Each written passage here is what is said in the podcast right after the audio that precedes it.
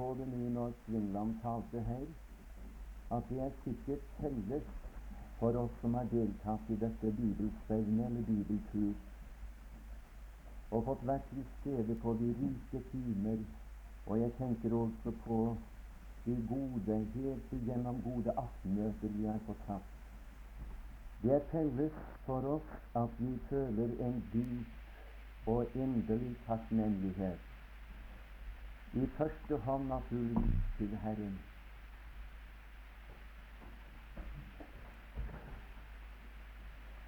Jeg kan bare si at det er lenge, svært lenge siden, om det overhodet har hendt, at jeg på en uke har sittet og hørt så meget godt som jeg har hørt her.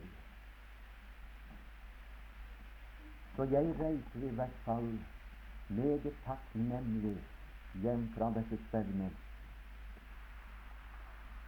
Når jeg skulle få bringe en liten hilsen her, så tror jeg det passer at jeg leser et enkelt vers fra første Korinterbrev og det fjerde kapittel. Vi går til første Korinterbrev og det fjerde kapittel. Det er i harmoni med det vi har hørt tidligere i dag på formiddagen, og likeledes med det vi hørte nå, det Svingland talte om. Kapittel 4 og vers 5. Døm derfor ikke noen før tiden, før Herren kommer han som også skal føre frem for lyset det som har vært skjult i mørket, og åpenbare hjertenes råd, og da skal enhver få sin rot av Gud.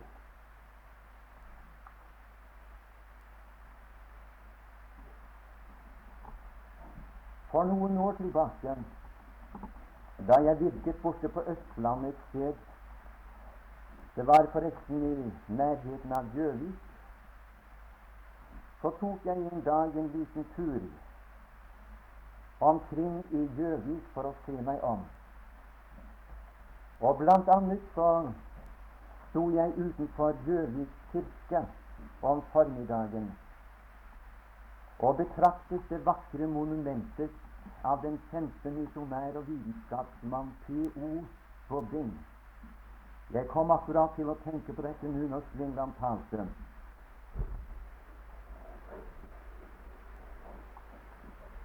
Altså denne skulptur, eller dette monument av denne Guds mann, det talte til meg den formiddagen. Jeg la merke til at over på Bings hode var de foldede hender former slik. Og over den igjen fantes en rund kule som betegnet jordkloden. Og så viste jeg på grunnstenen nederst nede, der var en inskripsjon. Og det var denne fra Bibelen. Gå ut i all verden og forkynn evangeliet for all skapningen. Jeg sier at da jeg sto og betraktet dette, og jeg ble stående der en god stund, da ble dette en mektig preken for min sjel. Og prekenen var denne Evangeliets utbredelse i verden beror for en stor del på om det finnes fallede hender. Og så ble jeg stillet ansikt til ansikt med dette så ransakende og alvorlige spørsmål. Representerer jeg de fallede hender? Og jeg tror det kan være på sin plass at vi avslutter dette stevnet med bl.a. også dette spørsmålet som troende, altså, representerer jeg de dem, hender. Jeg skal si dere, godt folk, det verden trenger i dag, jeg tror jeg nevnte det også på en av timene, det er ikke mennesker som alene har en høy bekjennelse, men det er mennesker som lever i Guds nærhet. Representerer jeg de foldede hender? Der er en tjeneste, så langt jeg forstår første Korintiebrev, fjerde kapittel, som sies å være skjult i denne verden. Den skjulte tjenesten. Og det er den han blant annet skal åpenbare og belønne når de frelste som hans tjenere står på Kristi belønningsstol, Kristi domstol. Det er noe som er skjult. Det er ingen som ser, og ingen som kjenner til at du bøyer dine kne i en ram og taler med Herren om de innen din familie som ikke er frelst. Jeg tenker at de fleste av oss har noen som vi tenker på å tale med Herren om. I hvert fall har jeg og vi innen vår familie noen som vi hver dag prøver å nevne ved navn på tronen. Der sitter kanskje en far eller en mor her i ettermiddag som gjennom en årrekke har talt med Gud om sin datter, sin sønn. Og du synes det dryger. Det går sådan i langdrag før det skjer noe. Du venter på svar. Det var en ganske ung gutt som reiste ut til sjøs her fra Vestlandet for eh, noen år tilbake. Og denne gutten var gjenstand for mors forbønn.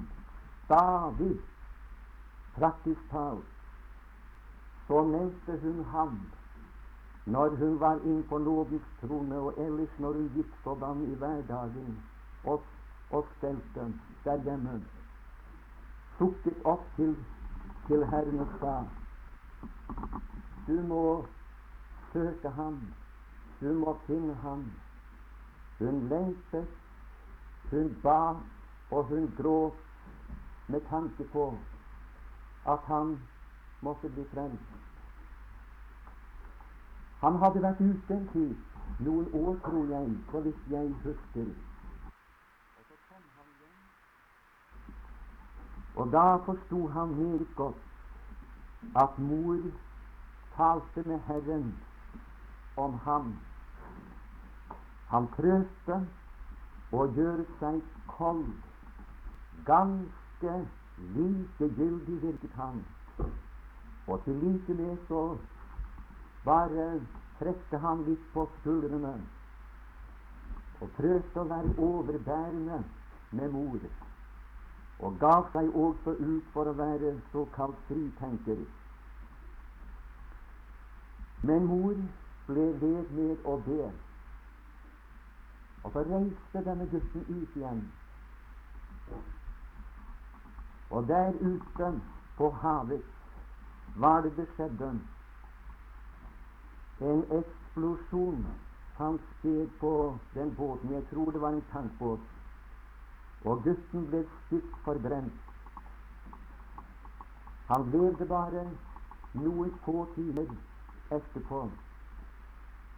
Men det var det jeg gjerne ville si som et trøstens ord til deg som ber for dine i ettermiddag. Som en hilsen fra Gud vil jeg bringe dette til deg. Hør nå. Det siste denne gutten sa før han gikk over grensen fra tid og til evighet, det var dette Hils hjem til mor og fortell henne at hennes bønner er svart. Jeg frelst! Hils og si at hun må fortsette å be for den som er igjen. Det nytter, kan dere fortelle henne. Fortell henne at jeg går hjem nå. Å, min venn, bli, bli ved med å ligge på dine kne i enrom. Gå endog avsides fra den som står deg nærmest i livet. Vær alene med Herren, ganske alene, og tal ut med Ham om dette. Det er en herlig tjeneste, skal jeg si deg. Du kan bane vei inn i hjertene, dine naboers hjerter, dine egnes hjerter, inn i hjertene til disse der ute i det fremmede egnet for oss, som vi hørte om. Og det skal bli en forunderlig dag.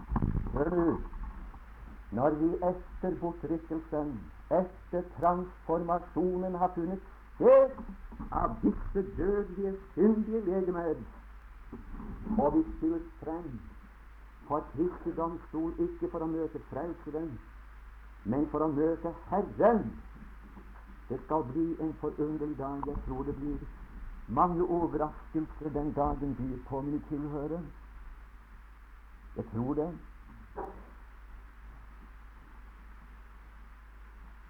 Og når han sier 'der er det', 'der er det', og 'der er det' Og om det kunne bare være en eneste jeg kunne ha med meg inn på tronen. En eneste.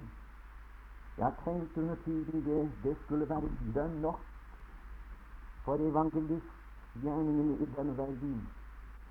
Og jeg håper inderlig venner at jeg får en, i hvert fall én med meg, som jeg vant for ham, og at jeg gjennom denne sjel der kan få øke prisen til landet. Er vi med i denne tjenesten, godt folk? Jeg tror jeg må fortelle før jeg går ned. Nå skal jeg snart slutte, men jeg må ta med det. Det var en ung pike som en lørdag aften sto og kledde seg og pyntet seg for å gå til fest.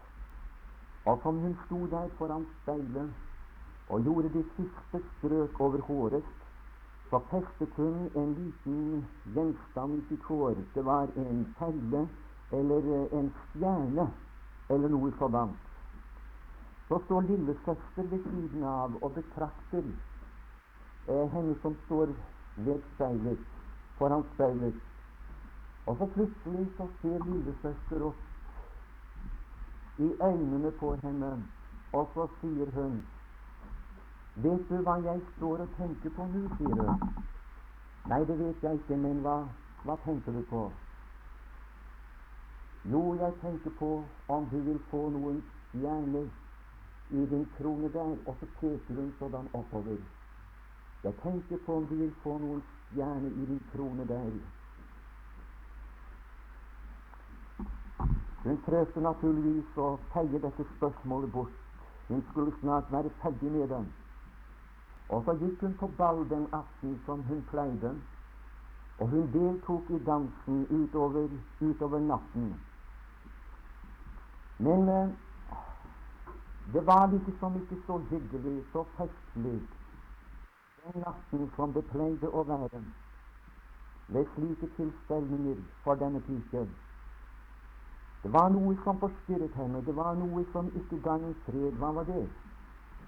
Jo, hun kunne ikke annet enn se for seg når lillesøster står der og peker opp mot himmelen. Og så sier hun, og hun hører den spede barnestemmen Vet du hva jeg tenker på? Jeg tenker på om du vil få noen stjerne i din krone der.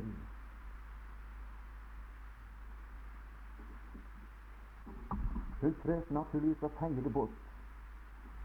Jeg skal være ferdig med det spørsmålet, men der var det igjen. Jeg tenker på om du vil få noen stjerner i din krone der. Hun forlot dansesalen før de andre den aften, og hun jaget hjemover, urolig, fredløs, men da hun kom inn så fant hun veien til lillesøsters rom, falt på sine kne der ved hennes seng. Gråtende utbryter hun mens den lille sover. Hun klapper henne, hun kysser henne, og så sier hun Jeg vil være en stjerne i din krone der. Og tenk om det var en, en eneste som jeg kunne få med meg.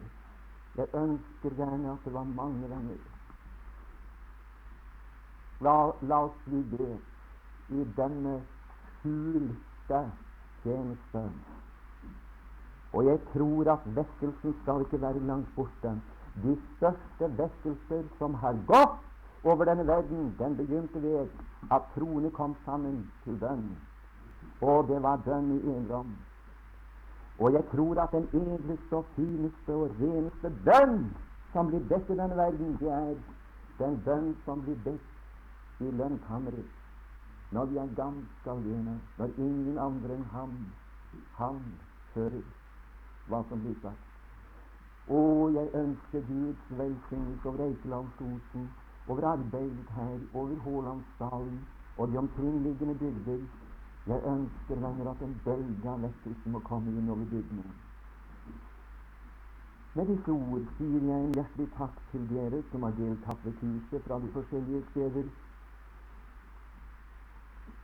Og jeg håper at dette møtet ikke er oppløst før vi får se noen ved Golgata Kors. For første gang ved Golgata Kors. Der du møter Ham, der du mottar den Herre Jesus, der du får dine synder tilgitt og utslettet for alltid i kraft av Kristi verk.